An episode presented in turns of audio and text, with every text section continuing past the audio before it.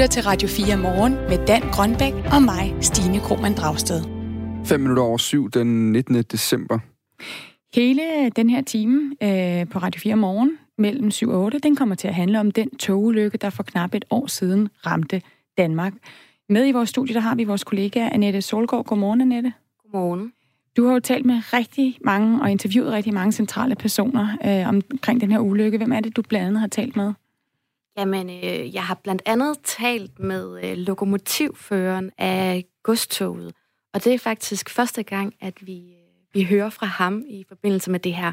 Og derudover så har jeg interviewet flere forskellige passagerer, der var med i lyntoget, og også nogle pårørende, der, øh, der har mistet øh, en af deres nærmeste i, i ulykken. Og så øh, har jeg også interviewet sundhedspersonale. Øh, ja, så der er, der er lidt forskelligt, men alt sammen centrale personer omkring den her ulykke. Og lige ved siden af dig, der ligger en uh, tyk bunke papir, og det er jo altså den her rapport fra Havarikommissionen på 181 sider.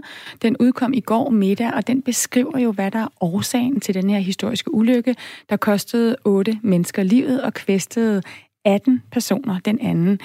januar. Og jeg synes, vi skal starte med bare lige få ridset op, hvad der skete den 2. januar 2019. Det er snart et år siden øh, nu her. Og hvis vi nu lige skruer tiden tilbage, så er klokken øh, 7.27 på morgenen. Det er sådan cirka om 20 minutter, øh, hvis det var i dag. Og der er et lyntog fra Odense, som er på vej mod øh, København. Det er på vej ud over Storebælt på det her tidspunkt, øh, lige kørt ud fra Nyborg. Øh, det her tog, det skal lande i København op til kl. 9. Det er sådan en ret populær pendlerafgang fra Fyn, øh, kan jeg sige, som en, der kommer derfra til hovedstaden. Og der er en, det er sådan en umiddelbart en fin januarmorgen, øh, fortæller vejrudsigten fra, fra den dag, øh, men der er til gengæld en rigtig kraftig blæst, som på det her tidspunkt faktisk har lukket Storebæltsbroen for biltrafik. Vindhastigheden er dog ikke øh, sådan helt voldsom nok, til man har indført restriktioner fra Sund og Bælt for togdrift over broen, så togene kører som sædvanligt. På vej i modsatte retning kommer så et øh, godstog, som kører med tom emballage.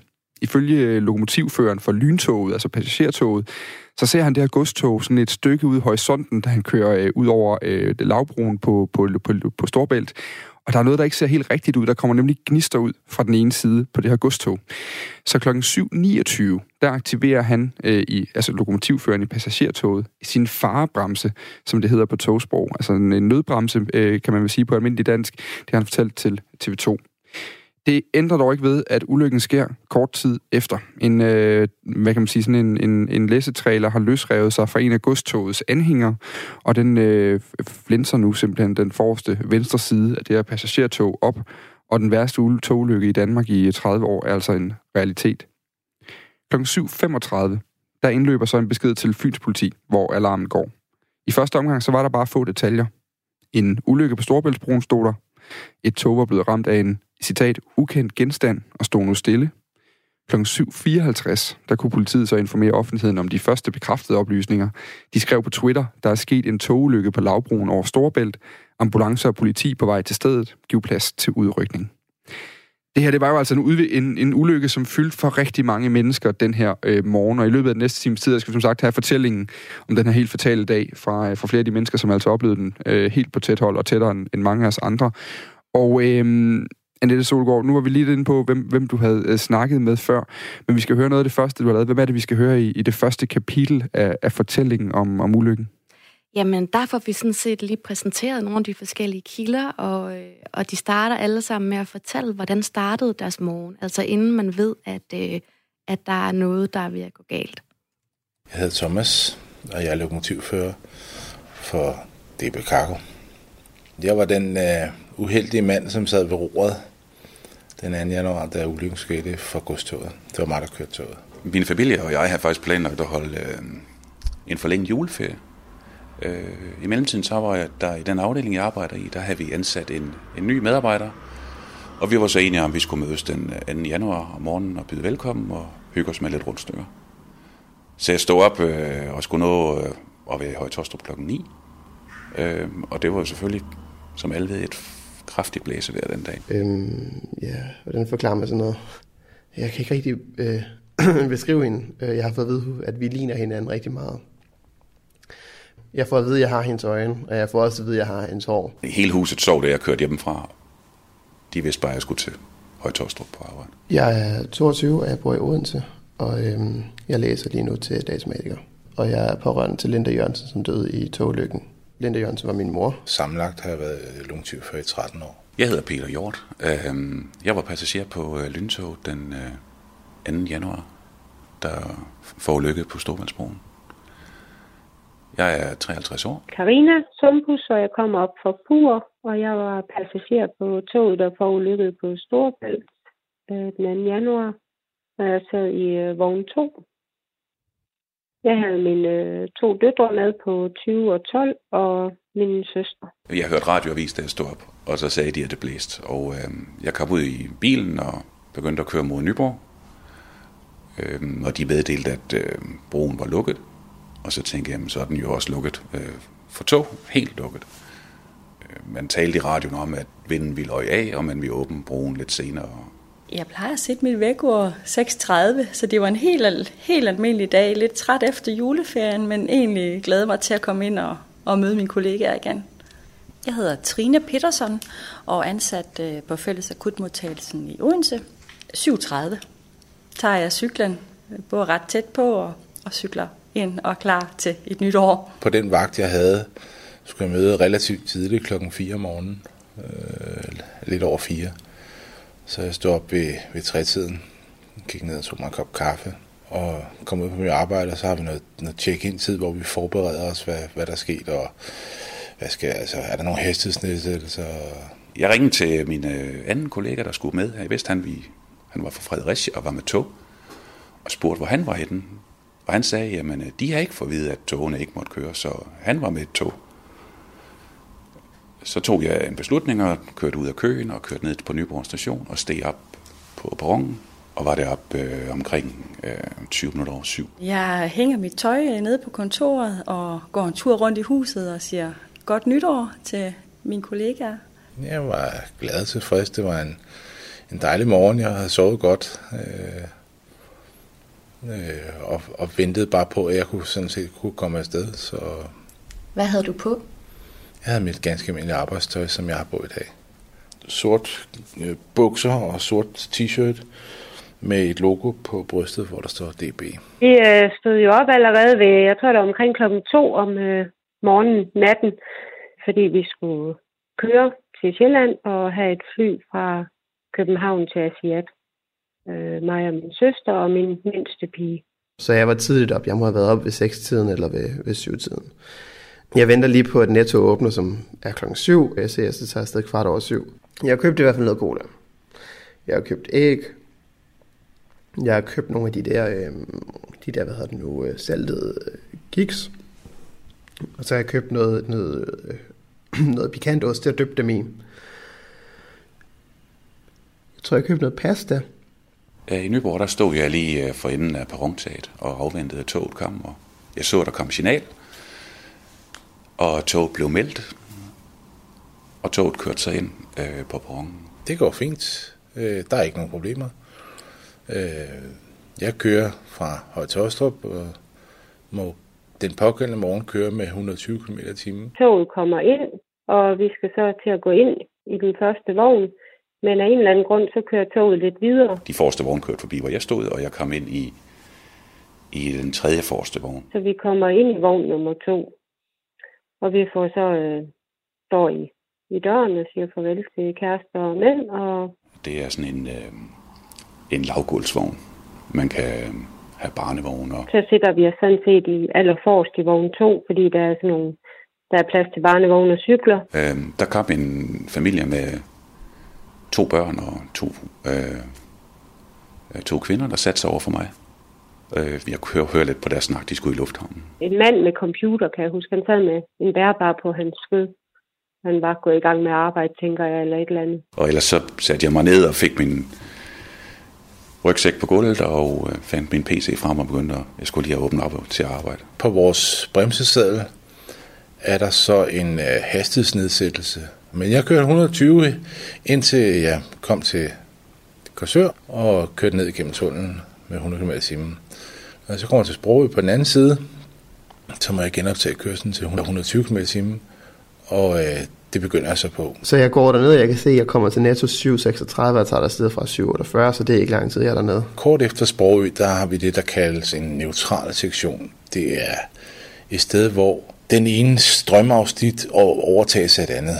Så der er lige øh, en, en cirka 50 meter, hvor vi kører ind i et såkaldt strømløst område.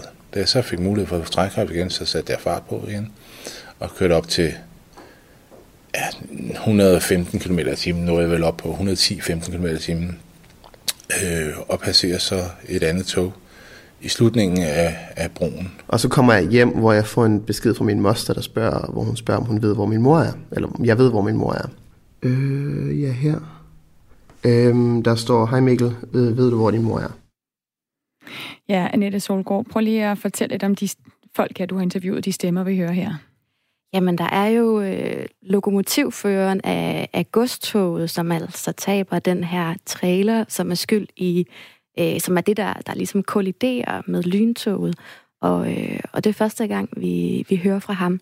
Og ellers så, øh, så hører vi fra forskellige passagerer, som, øh, som jo så også, uden at de måske lige vidste, da jeg interviewede dem, egentlig har mødt hinanden i toget og har siddet over for hinanden. Øh, og, og så hører vi så også fra, øh, fra en, en, en ung mand, der, øh, der har mistet sin mor i ulykken.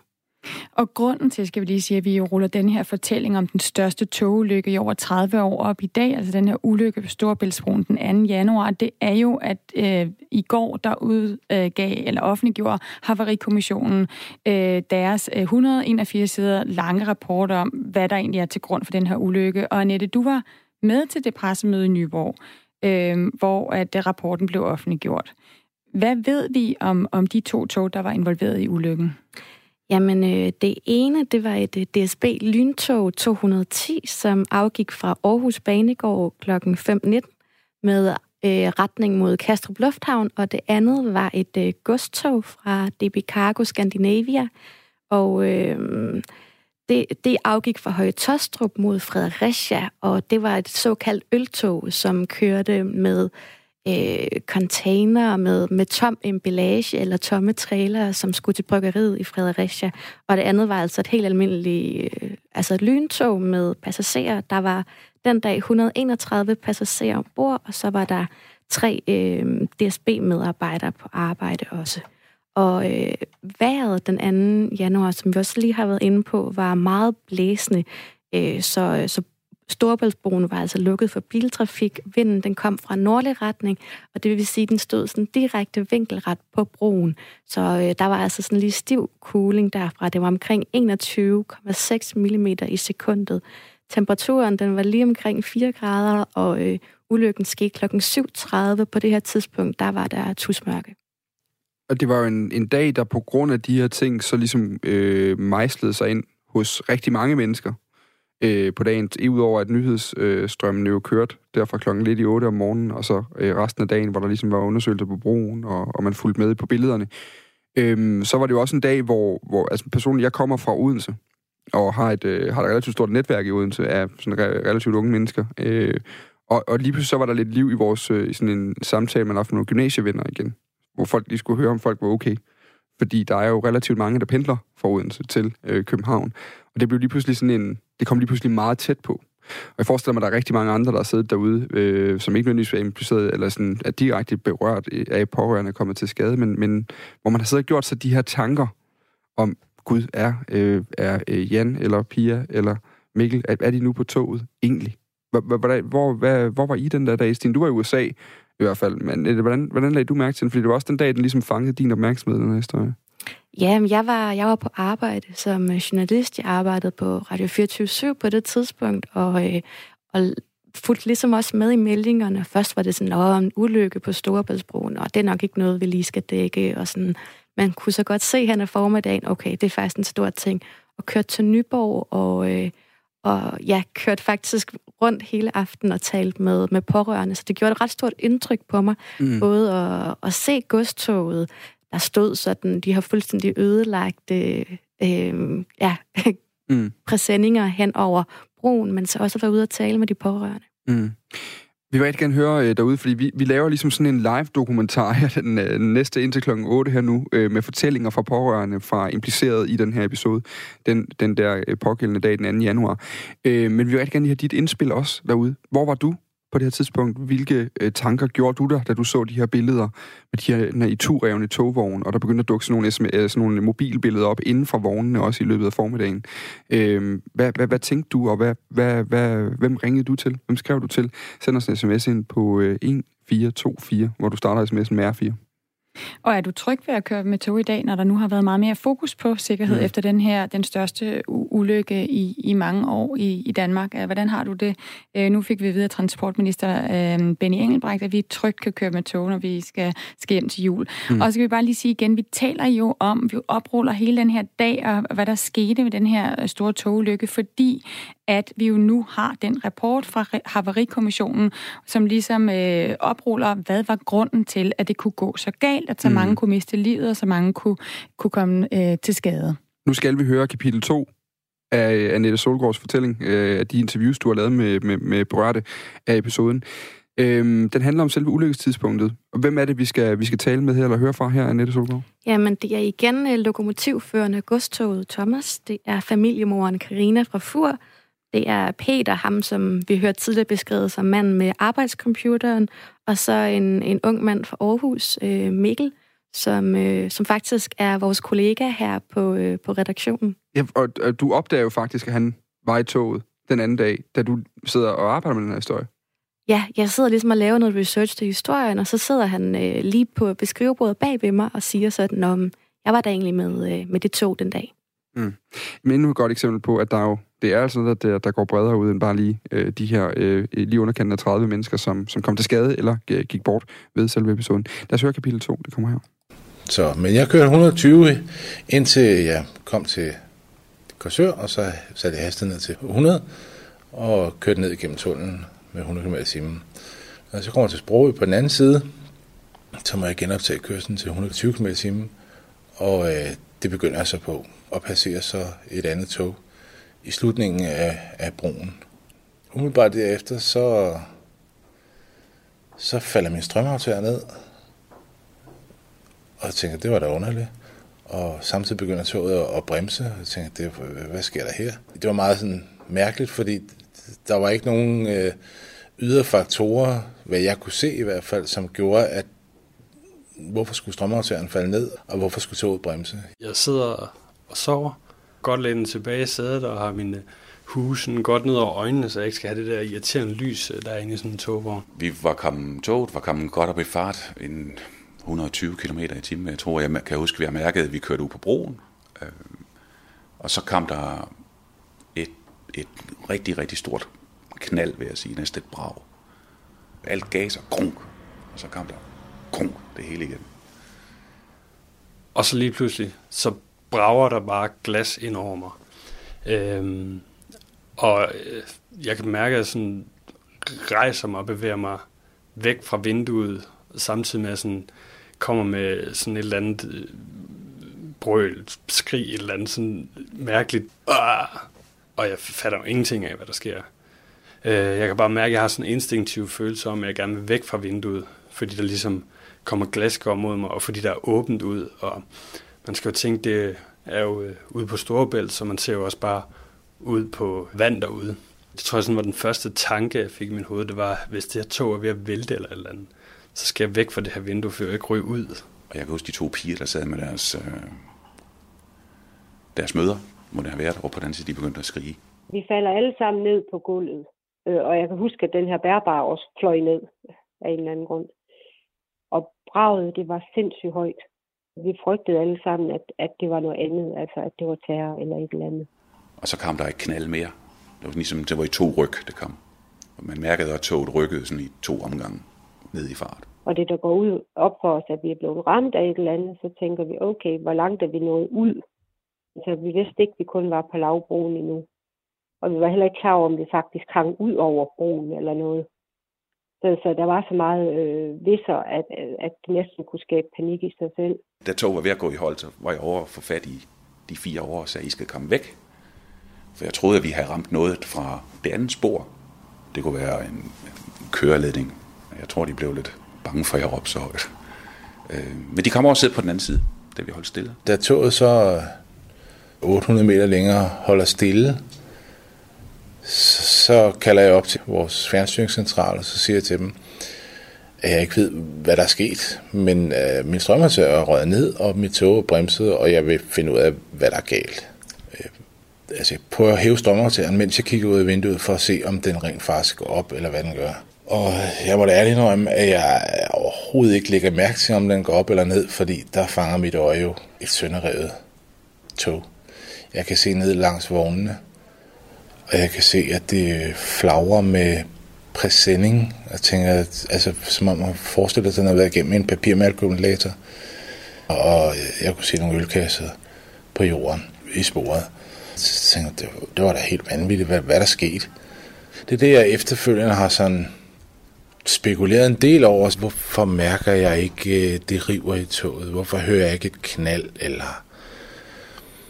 Altså, det er jo en ret stor ulykke, en voldsom ulykke, men Altså når man har med så store kræfter at gøre, som, som vi har, når vi kører godstog, de kan altså trække rigtig, rigtig meget. Det er nogle voldsomme kræfter, øh, som sådan mærker man ikke. Havde jeg fået strømaftageren op, og havde der ikke været brud på min bremseledning, så havde jeg måske kørt videre. For jeg anede ikke, at der var sket en ulykke.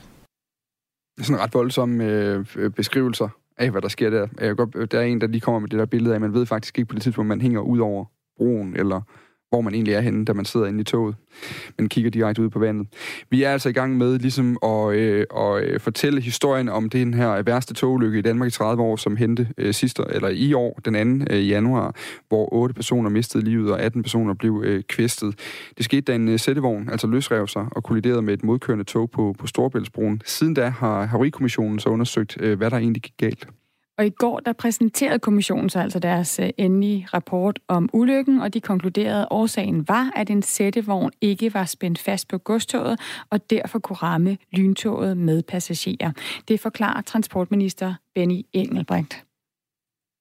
Det, som Havarikommissionen altså er nået frem til, det er, at øh, den her sættevogn ikke har været korrekt placeret i, øh, i det, man kalder en, en lommevogn, at der er en lås, som ikke har været øh, korrekt øh, øh, placeret, øh, monteret. Øh, og, øh, men, men som sagt, det er jo Haverikommissionen, som, øh, øh, som har udredt øh, den her øh, voldsomme tragedie, det her voldsomme uheld det kan jo på ingen måde fjerne øh, det faktum, at, øh, at der var mennesker, der mistede livet på tragisk vis i forbindelse med uheldet.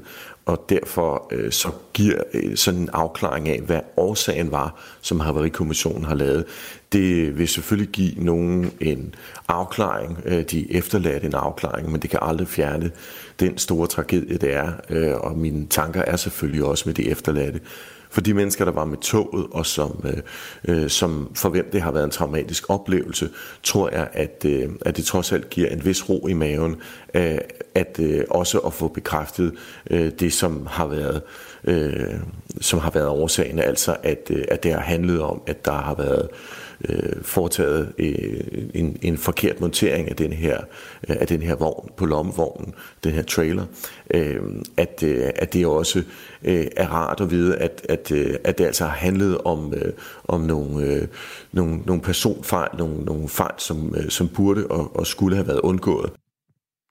Sådan sagde altså øh, transportminister Benny Engelbrecht til os, da vi talte med ham øh, kl. 10.07 om den her øh, ulykke. Og Annette Solgaard, du har jo interviewet rigtig mange af de personer, øh, der oplevede den her ulykke, øh, og som var en del af det. Hvordan har de reageret på, at nu er der altså kommet en rapport, der ligesom konkluderer, hvorfor den skete? Øhm, der blev afholdt sådan nogle, havarikommission afholdt et øh, møde for alle passagererne, der var inviteret til at komme og få præsenteret konklusionen af rapporten. Og så var, blev der også afholdt et selvstændigt møde for, for de pårørende til dem, der måtte have mistet nogen. Øhm, og det skete i går i forgårs, og det jeg sådan fornemmer ud fra dem, jeg har talt med, det er, at det i hvert fald har, har været godt for dem, og, og på en eller anden måde at nå dertil og, og få det kapitel lukket, også inden det er, øh, man går mod jul og mod årsdagen for, for ulykken, at det på en eller anden måde har givet noget afklaring. På den anden side er et nyhedsoverblik med Henrik Møring. Der skal vi uh, snakke videre. Der er uh, to kapitler tilbage i vores uh, fortælling om uh, den her ulykke, der skete den 2. januar 2019, altså hvor uh, otte mennesker mistede livet, og 18 blev kvæstet i uh, den, den alvorligste togulykke i Danmark i 30 år. Nu er klokken blevet halv otte, det betyder altså som sagt nyheder med Henrik Møring.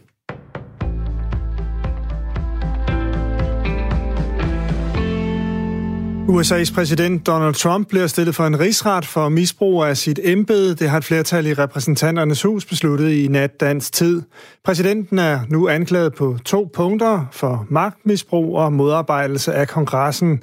Trump er den kun tredje præsident i amerikansk historie, der stilles for en rigsret.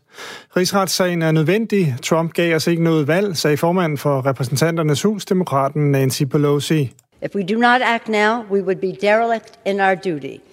It is tragic that the president's reckless actions make impeachment necessary. He gave us no choice. Samtidig med afstemningen afholdt Donald Trump et vælgermøde i Battle Creek i delstaten Michigan. Her kommenterede Trump rigsretssagen. This lawless partisan impeachment is a political suicide march for the Democrat Party. Have you seen my polls in the last four weeks? Denne ulovlige og partipolitiske rigsretssag er en politisk selvmordsaktion for det demokratiske parti, sagde præsidenten. Rigsretssagen bliver nu sendt videre til senatet, som skal afgøre sagen. For at Trump kan afsættes, kræver det to tredjedels flertal af senatets 100 medlemmer, og det vil næppe ske, da godt halvdelen af pladserne i senatet er republikanske. Et stort antal teenagepiger fra hele landet er blevet udsat for forskellige typer af seksuelle krænkelser begået af en 22-årig mand fra Vardeegnen. Manden og hans ofre har fået kontakt til hinanden via sociale medier.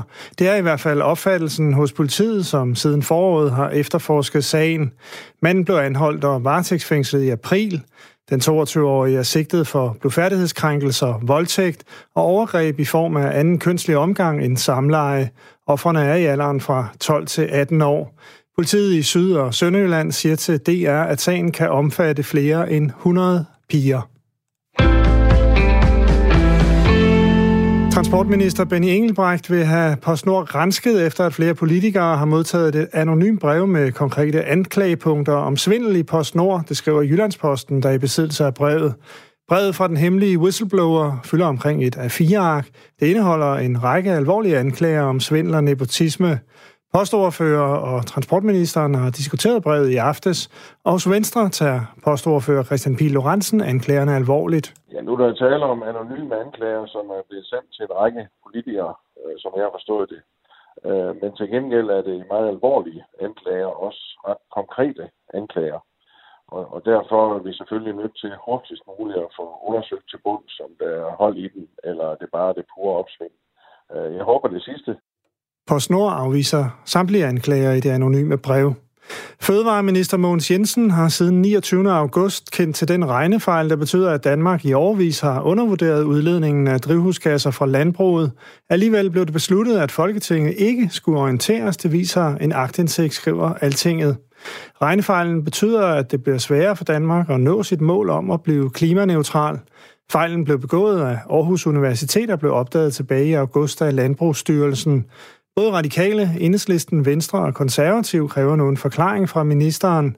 I en mail forklarer ministeriet, at det var vurderingen, at Aarhus Universitet skulle have lov til at komme til bunds i fejlen og offentliggøre og forklare den, inden Folketinget blev orienteret. I den sydlige del af landet lidt sol, ellers bliver det skyde og stedvis tåget, 5-9 grader og lidt til frisk vind fra sydøst.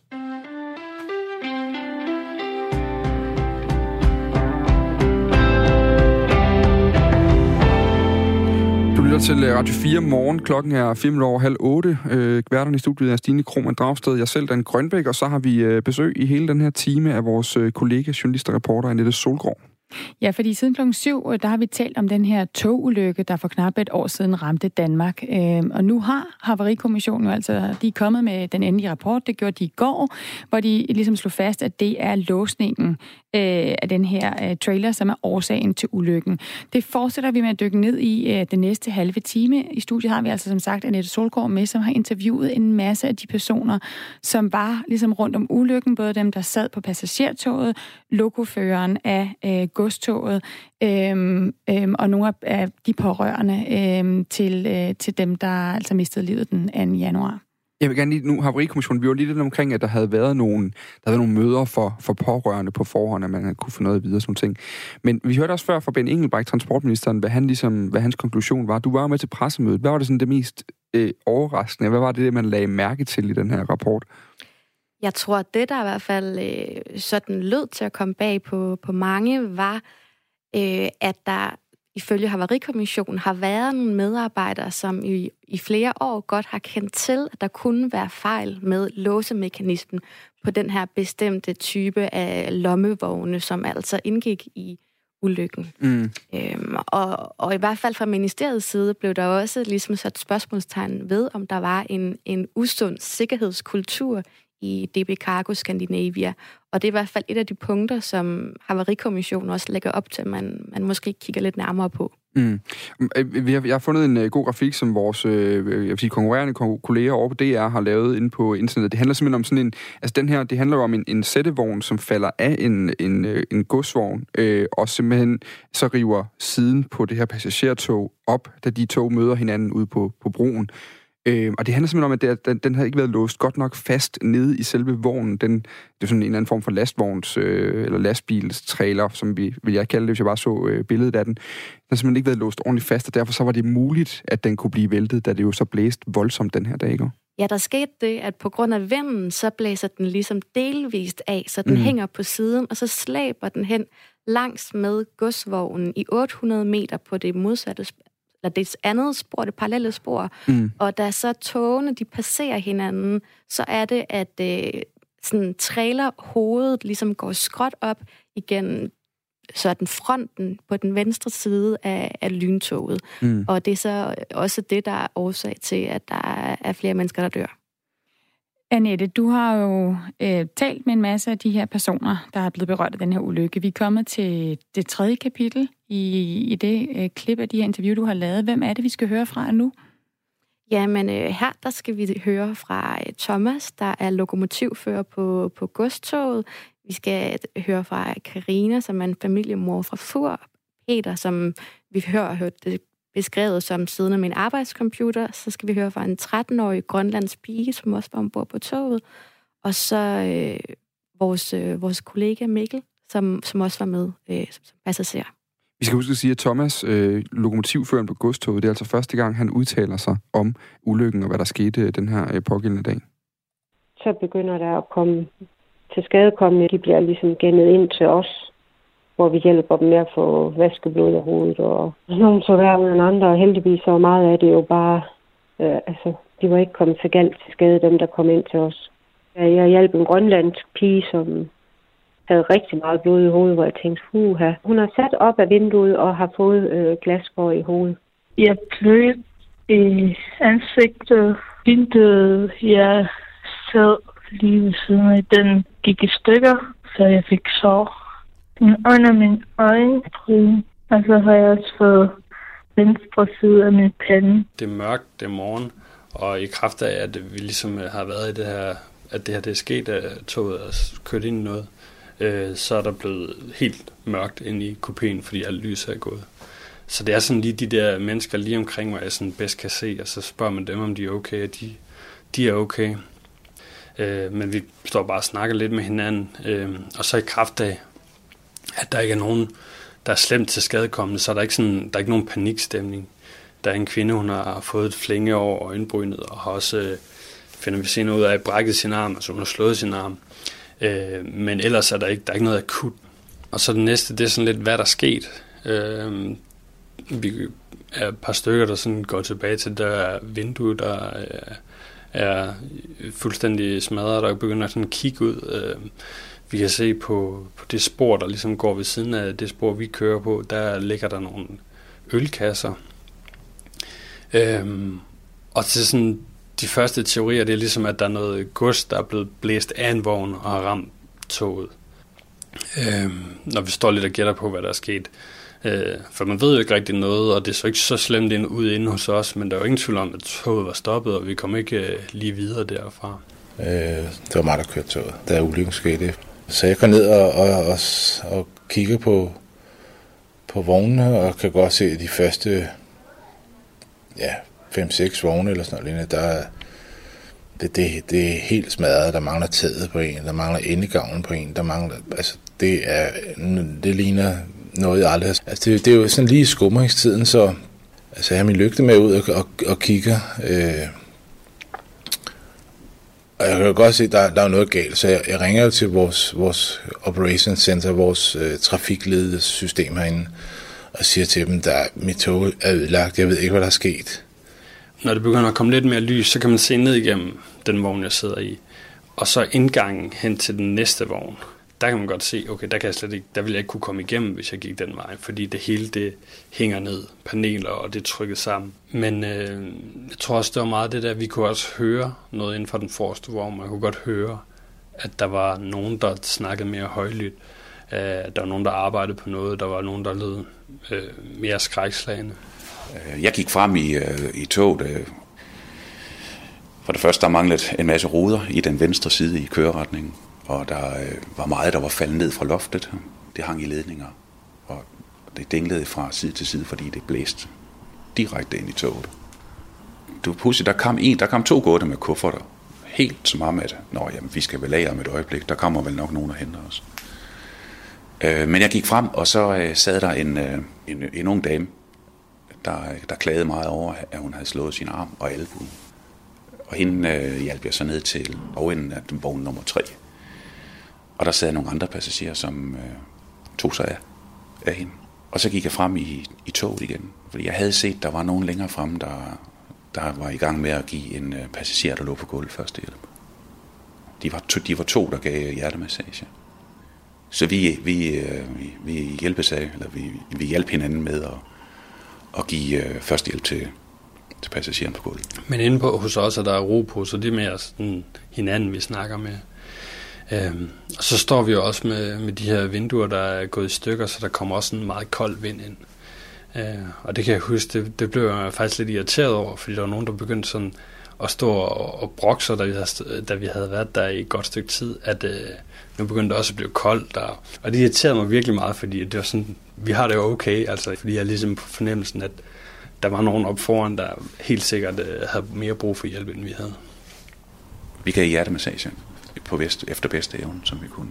Det gør man ved at øh, hvad hedder det, sætte sig op på hug, øh, vinkler den på den til skadekommende, og så samler man sin, den nederste del af ens hånd og lægger den anden hånd ovenpå, og så trykker man cirka, med, så man kan mærke, at brystkassen går ned. Og så begynder man at køre en rytme af 20-30 øh, af gangen, holder en pause og kører igen der var meget, øh, der var ligesom stille, men samtidig en, en, en meget støj og larm fra vinden og, og kulden, der kom ind. Man håbede, at man kunne hjælpe. Det var, det, det var nok det, jeg tænkte allermest på.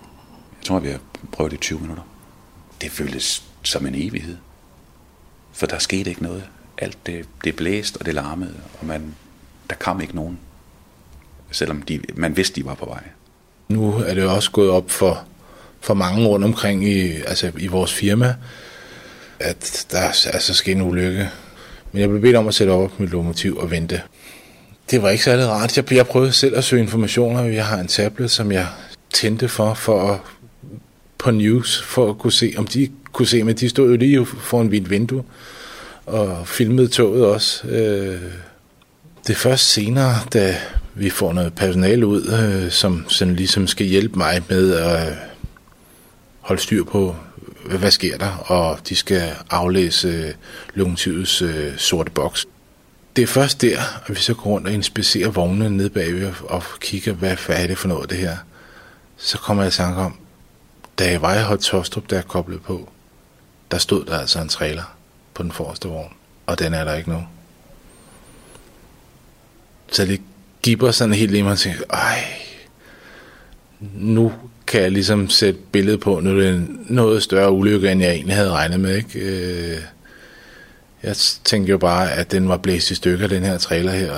Øh, at der var blæst noget, noget, en ølkasse ind over, og ja.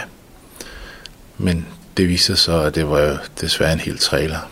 Jeg tror forholdsvis hurtigt øh, kommer, kan vi se, at der er helikopter og redder og sådan nogle ting ude på broen, da det begynder at blive lyst.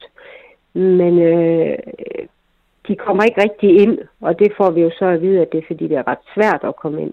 Øh, og øh, især min ældste datter, hun vil bare ud af det her tog her. Hvor, øh, hvor jeg prøver at forklare, at øh, man kan ikke bare gå ud på broen, og det står med en pelikan, og altså, øh, hun var virkelig bange, og hun var ud og hjem. Øh, og ellers så tror jeg bare, at vi, vi sad og holdt om hinanden. Småsnakket stille og roligt. Jamen lige pludselig så øh, kommer han jo ham ud fra gangen og siger, nu er de der. Og der kommer en redder ind, øh, og, og så kommer hen til os tre, og det er mig, der sidder nede på det tidspunkt. Og han siger, du fortsætter bare med det her.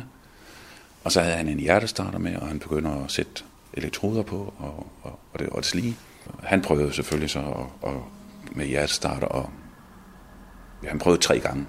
Så kom der en, øh, en anden igennem og sagde, at det, det, vi ikke, det nyttede ikke noget mere. At det, det, skulle vi, det skulle vi stoppe med. Så vi tog vores tøj og hvad vi havde, og så blev vi gelejtet ned bag i øh, tog til de øvrige passagerer. Og så stod og vi snakkede lige kort om sådan lige, jeg kan huske, vi gav hinanden et kram, som at vi havde i hvert fald forsøgt noget.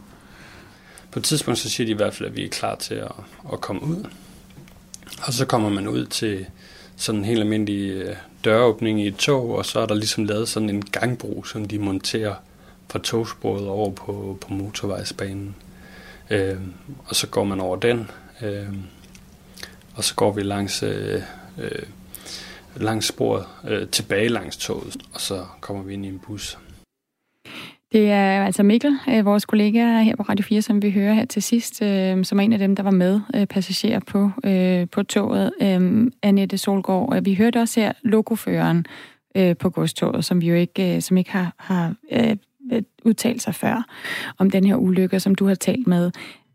Hvordan har han det i dag? Jamen, øh, han kører tog igen nu, men, har, øh, men det tog noget tid, før at han var, han var tilbage Og øh, startet op med at køre med, med nogle kollegaer, han var trygge ved, så han ikke ligesom skulle, skulle tage turene selv. Og øh, der gik også noget tid, før han ligesom var klar til at skulle køre med, med lige præcis den der tur fra Høje Tørstrup til Fredericia med øltoget. Og øh, det fremgik også af Havarikommissionens rapport i går, at der også har været sygemeldinger hos personalet hos DSB Lyntoget. Der var både en, en lokomotivfører, og så var der to togfører, der var øh, ombord der. Mm. Og, det, og det er vigtigt at sige, at Thomas, som han hedder ham, er logoføren på godstoget, har altså ikke noget at gøre med, med, med låsemekanismen og de her ting på det her godstog. Altså han satte sig ind og skulle køre toget, bare lige for at få, få, få det med øh, også. Øh, vi snakker jo om det her, fordi øh, det er her den 2. januar et år siden, at øh, den her værste togulykke i 30 år skete i Danmark, øh, ude på Storbæltsbroen, hvor øh, otte mennesker omkom, og 18 blev kvæstet. Og øh, her der hørte du altså lige før øh, tredje kapitel ud af fire i Annette Solgaards øh, fortælling om, øh, om øh, hvad det endte med. Det er altså dagen efter Havarikommissionen er kommet med øh, en rapport om ulykken, hvor det altså blev slået fast, at det var en låsemekanisme på det her godstog, der gjorde, at den her, øh, en af de her sættetrailer kunne vriste sig fri, og altså øh, støde ind, eller simpelthen skralde øh, den forreste del af den ene side af, af det her passagertog øh, med, med fatale konsekvenser.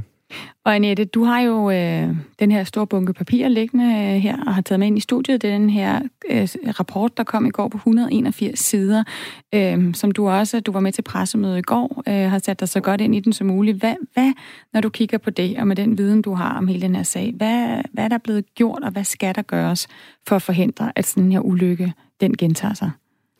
Allerede den 5. januar, få dage efter ulykken, der udsendte Trafikstyrelsen en advarsel til øh, godsoperatører i Danmark om, at de altså skulle sikre sig låsemekanismerne.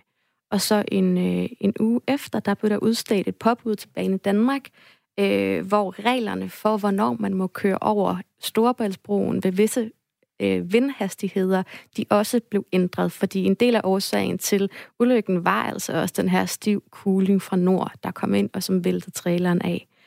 Øhm, og så blev der den 6. februar blev der udstedt et påbud til DB Cargo Scandinavia om at anvende sådan en, en bestemt kontrolprocedure, så de fysisk tester låsemekanismen.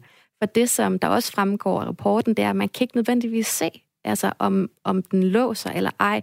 Så der kan være flere medarbejdere, uafhængigt af hinanden, der har været hen og tjekke, og, og, og der ser det ud til, at alt er, som det skal være, selvom det bare ikke er tilfældet.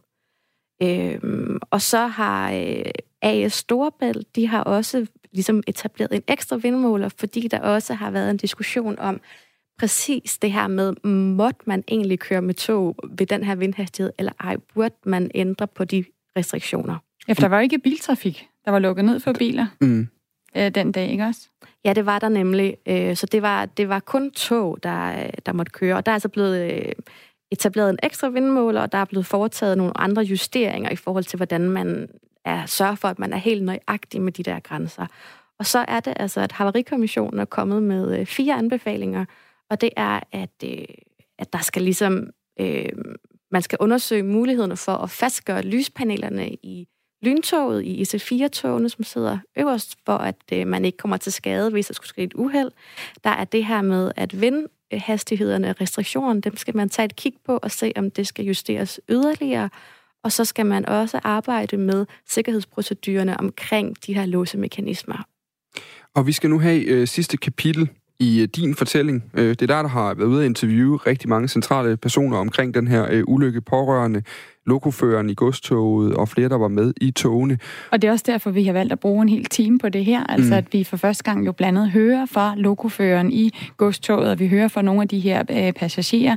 Og så for, selvfølgelig, fordi det altså er i går, at vi fik konklusionen fra Havarikommissionen. Mm. Sidste afsnit i den her fortælling skal vi høre op til øh, nyheden her kl. 9. Tak fordi du kom i studiet, Niels. Velbekomme. Vi går ind i bussen øh, og skal tilbage til, til Nyborg, det er ligesom det, vi får at vide. Øh, og jeg kommer ind i bussen og sætter mig ved siden af en mand, der sidder op foran. Og allerede da jeg sætter mig ved siden af ham, der kan jeg bare se på ham, at han har oplevet noget andet, end jeg har. Øh, han er sådan lidt mere fjern i blikket, og så, øh, så sidder hans knæ bare og kører op og ned. Altså hans ben har ingen ro. Han sidder bare og vipper fuldstændig vildt med sit ben. Og jeg spørger ham, om han er okay. Og han siger det en eller anden i stil med, at øh, ja, jeg er okay, men, men det begynder at komme til mig. Øh, som om, at han sådan, det er først nu, han er ved at, at mærke oplevelsen. Øh, jeg spørger ham sådan, hvad, hvad, hvad det er, han har, hvor han har været, og hvad der er sket. Og han fortæller så, at han har været inde i den forreste vogn. Og han fortæller, hvordan at, at alt bare var kaos derinde. Øh, hvordan at, øh, han har stået sammen med en anden og, og givet førstehjælp til en, der øh, hvad hedder det, var ved at dø. Så bliver vi kørt til, øh, ned til Nyborg-hallerne. Vi kommer til Nyborg, øh, kommer ind i en idrætshal. Det var fantastisk hurtigt, man har fået arrangeret det dernede i Nyborg. Der var allerede sat nogle bord op, der var kaffe, der var, hvis man skulle have et eller andet at spise. Der er der dækket op med en masse borer. Altså der er stillet en masse borer op ind i hallen, og der står lidt øh, øh, te og nogle småkager, der er nogen, der har været ude at købe. Og politiet øh, var minimum hver kvarter 20 minutter ind og fortælle, hvad der var sket og hvad status var. Og så er der rigtig, rigtig mange frivillige, øh, der er på stedet. På et tidspunkt så blev der annonceret, at øh, hvis man har behov for at tale med nogen, så vil der komme noget for noget kriseberedskab, man kunne tale med. Og så tænkte jeg, det, jo, det vil da være fint. Øh, det viser sig, at der kom jo ikke bare 5-6 stykker. Jeg, jeg tror, der kom en styrke på 50. Og der var hjælp alle vegne. Alle kom og spurgte, om man var okay. Og efter vi blev registreret, så må vi så øh, forlade stedet. Øhm, og der bliver vi så hentet af min kæreste og min søsters mand. Men relativt kort tid efter, så blev jeg så kontaktet af politiet. De vil selvfølgelig gerne afhøre mig. Og jeg siger, det er fint nok, og, de, og så blev vi hentet af to øh, ældre betjente, som var rigtig, rigtig søde og forstående mennesker. De spurgte så, om, om, vi, om jeg har lyst til at komme ind til, til Odense politi og, og, og blive afhørt der. Så det er fint det gør vi sagtens. Jeg skriver til en veninde, at øh, jeg ved, der har en bil. At jeg vil, om, om ikke hun kan, hun kan give mig et lift til Nyborg, fordi jeg skal lige derover og se, om jeg kan finde min mor. Øh, og jeg er i Nyborg kl. 12.19. Øh, min far han er der faktisk allerede på det tidspunkt. Han kender nogle andre, der kunne give ham et lift derud. Og han står dernede. Øhm, og så vidt vi kan se, så har de faktisk allerede fået de fleste af de sårede ud derfra, og alle de øhm, pårørende er kommet og hentet deres øh, hente dem, som de, dem, som der har været med toget. Og øhm, ja, øh, der er ikke rigtig nogen tilbage dernede, og min far han har sagt, han har snakket med øh, nogle politimænd dernede, og de siger, at der ikke er nogen ved navnet Linda Jørgensen. Jeg bliver så kørt hjem herfra og hjem til min kone og træder ind døren. Og jeg har været rimelig fattet hele dagen. Og lige snart træner døren og lukker døren, så stor tud er jeg bare, med. Jeg kan slet, slet ikke holde det tilbage. Øh, jeg kan simpelthen slet ikke rumme det. Øh,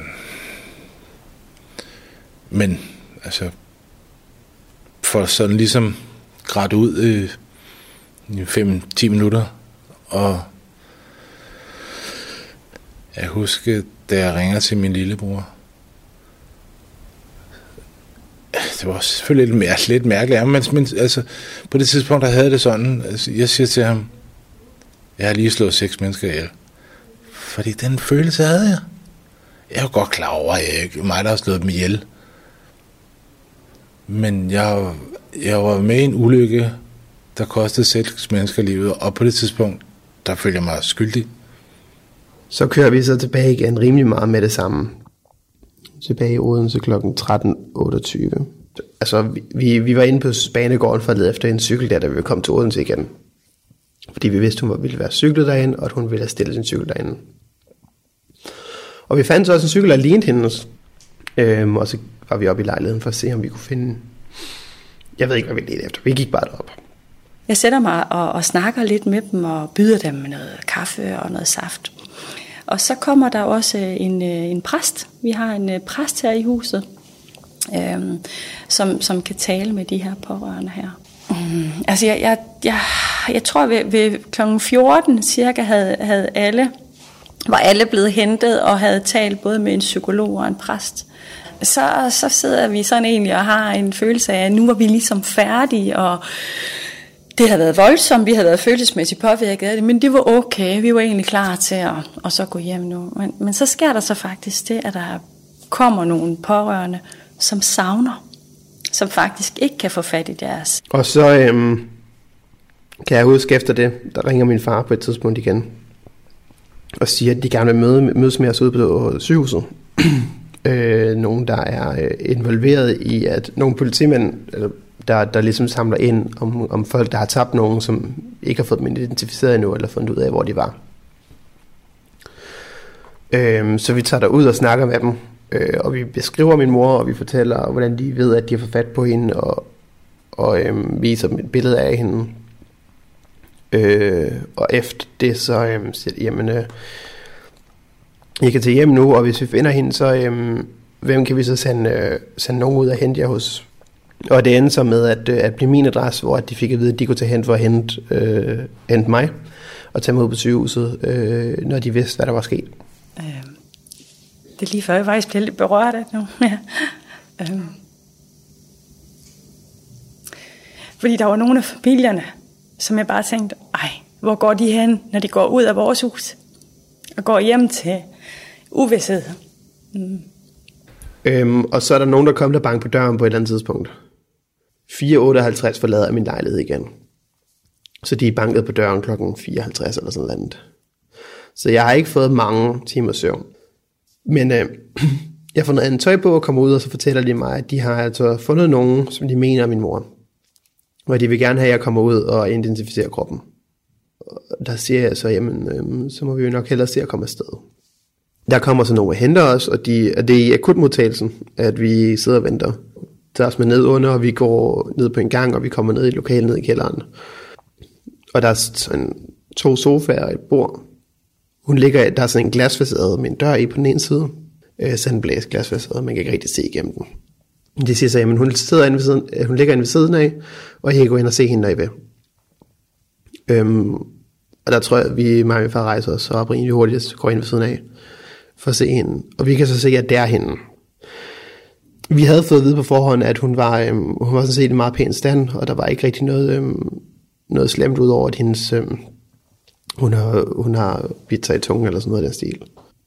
Øh, meget rød i ansigtet, mener jeg, hvis jeg ikke husker helt forkert. Og udover det er der ikke noget at se, det ligner bare min mor. Øh, jeg er ikke derinde i lang tid. Jeg tror, jeg er derinde i en 20 eller 30 sekunder, eller sådan, så går jeg tilbage ud og sætter mig ned. Hvad vi regner med, det er, at, øh, at hun, er, hun er død, eller hvad, hvad der står i hvert fald, det er, at hun er død af traumet. Øh, ligesom chok til hovedet, eller et slag til hovedet. Den seneste time har vi hørt fire kapitler om ulykken på Storbæltsbroen. Noget du ikke få det hele med, så kan det senere findes på podcast eller på vores hjemmeside. I næste time der spørger vi fiskeriministeren, hvorfor han vil overvåge danske fiskere. Vi skal også høre om en rapvideo, der har vagt forarvelse, og så kigger vi igen på den her regnefejl, der betyder, at Danmark i årvis har fremstået grønnere, end tilfældet er.